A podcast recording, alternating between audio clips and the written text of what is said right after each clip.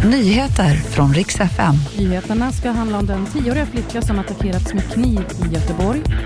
Och så har det gått en lavin i Abisko och fjällräddningen har fått kallaste Läget för den flickan i tioårsåldern som har knivhuggits idag mitt i centrala Göteborg är allvarligt. Flickan har knivskurits i halsen och i magen enligt uppgifter till Aftonbladet. Även flickans mormor har fått knivskador. Gärningsmannen, en man i 35-årsåldern, kunde gripas direkt på plats. Fjällräddare och polis har kallats in då en lavin har gått i väster om Abisko, rapporterar polisen. Polisen har beslutat om fjällräddning och det finns ännu inga uppgifter om skadade. Och problemen med SJ de fortsätter för den som har försökt boka ett tåg eller en tågresa under påsken har nog märkt det. En lite tråkig repris av kaoset i jul alltså. För SJ de skyller strulet på Trafikverket som inte rapporterat in sina banarbeten den här gången heller och då kan inte resorna planeras i tid.